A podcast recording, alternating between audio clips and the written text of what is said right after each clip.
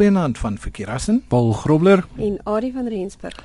Ons gaan nou bo in die wolke sit vanaand en speletjies speel. Ja. Ja. Want dit was ons vraag gewees vir hierdie week. Wat is cloud gaming? Cloud gaming. Dis regtig dis maar seker nie 'n nuwe konsep nie, maar ek ons weet nou almal wat cloud computing is, so dit volg nou maar net op dit. Uh, dis basies soos amper so stromende video en uh, ek wil sê, sê tot tomate is dit nie soveel verskillend van online gaming nie, mm -hmm. behalwe nou laat jy nou natuurlik die speletjie lê nou op 'n internet ehm um, wolkbediener en so jy hoef nou letterlik niks meer amper op jou op jou rekenaar te hê nie. Ehm um, so mense kan nou interaktief op die videostroom reageer met jou sleutelbord of met jou muis en kontroleerder. En uh, soos wat mens vinnig vir jouself kan ehm um, uitwerk, het dit natuurlik voor en nadele en ehm um, dit gaan nou maar baie afhang die die grootste of die kernfaktor sal natuurlik die spoed van jou internet wees. Nou uh mense kan uh baie bandwydte as jy nou baie bandwydte het, um, kan die internet wolkspeletjies heelwat voordele inhou. Uh, mense kan nou uh, mense hoef dan nie um, baie geld te spandeer om die um, op hardeware vir speletjies nie. So dit gaan natuurlik op op enige tipe platform hardloop. En ehm um, speletjies sal ook meer platform onafhanklik word en uh, dit sal natuurlik op verskillende toestelle gespeel kan word. So nou nie net slegs op een rekenaar nie. Uh, mense gaan dit heel waarskynlik op ehm um, verskillende TV's kan speel veral soos die nuwe slim TV's soos waarvan hulle praat deesdae ehm um, wat vir jou natuurlik ook internet toegang gee en ehm um, jy sal natuurlik ehm um, ander voordele ook hê. Ehm um, sommige van jou slim of jou smart TV's het reeds sagte ware wat ingebou is met hulle on-live integrasie. So daar's baie van hierdie wat jy nou natuurlik um, voordele wat jy dan nou kan kry. Nog 'n voordeel is natuurlik dat mens onmiddellik gaan kan begin speel. Jy, jy hoef nie te wag vir 10 of 20 gig se speletjies wat aflaai nie. Um, ek lag lag nou daaroor want in my klaskamer is dit dieselfde. Ek wil jy hoor die studente praat van die speletjies wat hulle aflaai. Um, en dan of jy koop 'n speletjie, installeer dit en dan sê dit dit met die nuutste patch aflaai. En dan sit 6 gig hmm. vir 'n patch. Hmm. Dink ek myself goeie genade. En afhangend um, van die bandwydte kan dit kan dit 'n paar dae vat ja. Nou ek ek, ek, ek kan nou nie dink hoe ek moet voel. Ek koop 'n speletjie, ek wil hom nou speel. Jy installeer hom en dan sê hy vir jou hy moet net gou sy patch aflaai en dan is dit 6 'n 6 gig patch wat afgelaai moet word. 3 dae later as jy nie 'n baie vinnige internet toegang het nie, wag jy nog steeds vir jou speletjie se patch om af te laai. Nou um, so dis natuurlik definitief 'n voordeel. Um, maar nou moet ek by sê as jy um, as jy 'n uh, vinnige internet toegang het dan gaan 3 gig of 6 gig se patch wat afgelaai moet word ook baie vinnig gaan. So hmm. nou ja, ja dis natuurlik ook maklik om byvoorbeeld professionele speletjie kompetisies um, te kyk omdat die videostroom gedupliseer kan word vir toeskouers. So dit uh, van van daai opsig is dit natuurlik ook voordelig. En um, dit um, het dan ook nie moontlik om die speletjie onwettig te kopieer nie. Ek wil jy mm. jy moet nou 'n wettige kopie van dit hê want dit gaan nie by jou wees nie. Ja. Dis dis aanlyn. Ehm um, maar dit seker nadele ook. Soos met enigiets. Ehm um, basies aan 'n internet wolk speletjie want jy natuurlik jou beeldkwaliteit ehm um, gaan gaan definitief 'n rol speel. So dit mag dalk swakker wees. Ehm um, natuurlik die bandwydte soos wat ons genoem het, is seker een van die grootste struikelblokke en uh, want mens kan maklik uh, 3 gig uh, gebruik om 'n speletjie te speel as jy vir 'n uur of 2 aanlyn is. So jy kan vir jouself dink tot 'n mate het dit 'n voordeel soos wat ek nou sopas genoem het. 'n Patch is 'n 6 gig, 11 gig wat ook al die geval mag wees. So wat van die reaksietyd? Kyk, speletjies is mos baie afhangend van hoe vinnig jy reageer.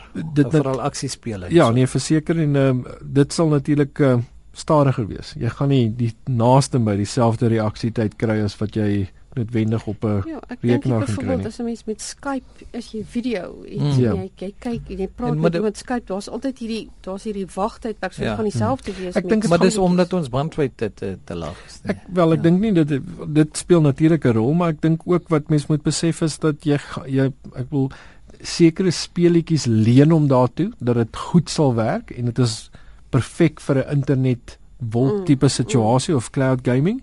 En dan kry jy natuurlik ander speletjies wat dalk heel waarskynlik baie aksiebelaai is wat um, hoë grafika het wat um, wat vinnig moet reaksie het en jy gaan heel waarskynlik nie um, ek dink nie in die nabye toekoms 'n situasie wat dit noodwendig die die beste oplossing gaan wees ek kom stel dit so.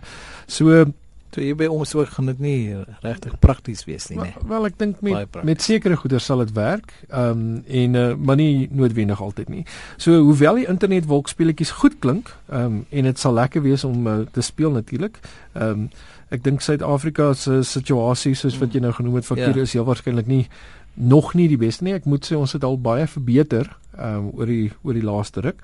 En uh Nvidia is natuurlik dan ook besig om te werk aan Project Shield wat 'n Android gebaseerde handheld game console is wat mens dan nou in staat stel stel om speletjies dan nou van jou gaming rekenaar met 'n kragtige Nvidia kaart stroom na jou TV of uh, dan enige tipe handheld console um, oh. wat jy dan kan gebruik. So mense kan sien dis natuurlik waantoe dit beweeg. En as jy kyk natuurlik ook hoe almal deesdae rond sit uh, verkeer ingesluit um, op sy foon en speletjies speel.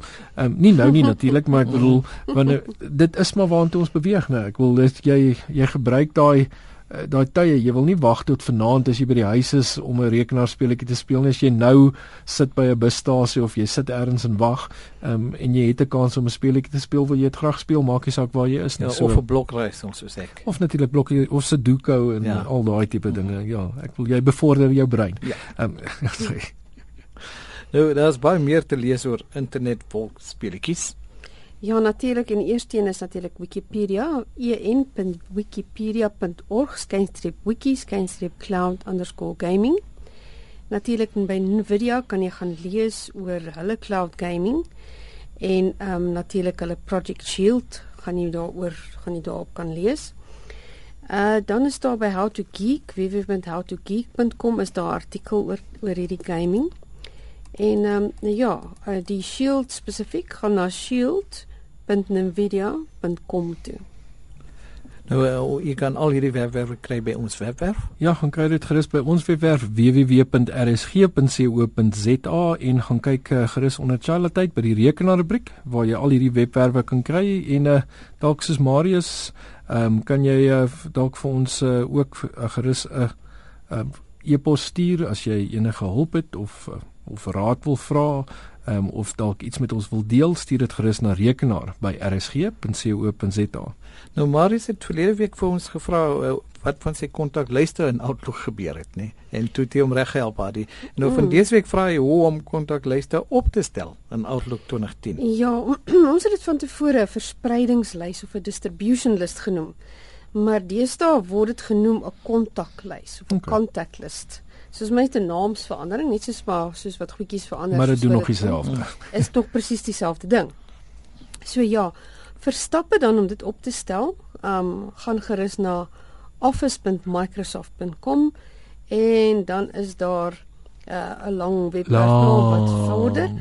of daar's ook 'n uh, www.youtube.com is daar ook 'n webwerf wat jy kan gaan kyk Ja, gaan kyk gerus uh, kry hierdie lang webwerf of hierdie YouTube um, klip dan by uh, ons webwerf by www.rsg.co.za.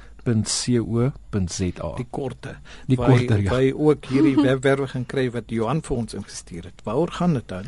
Ja, Johan het vir ons 'n webwerf ingestuur vir diegene wat Office uh, 2013 gebruik en uh, mens kan deesdae jou internetwolkdienste soos Dropbox kan jy daarmee integreer.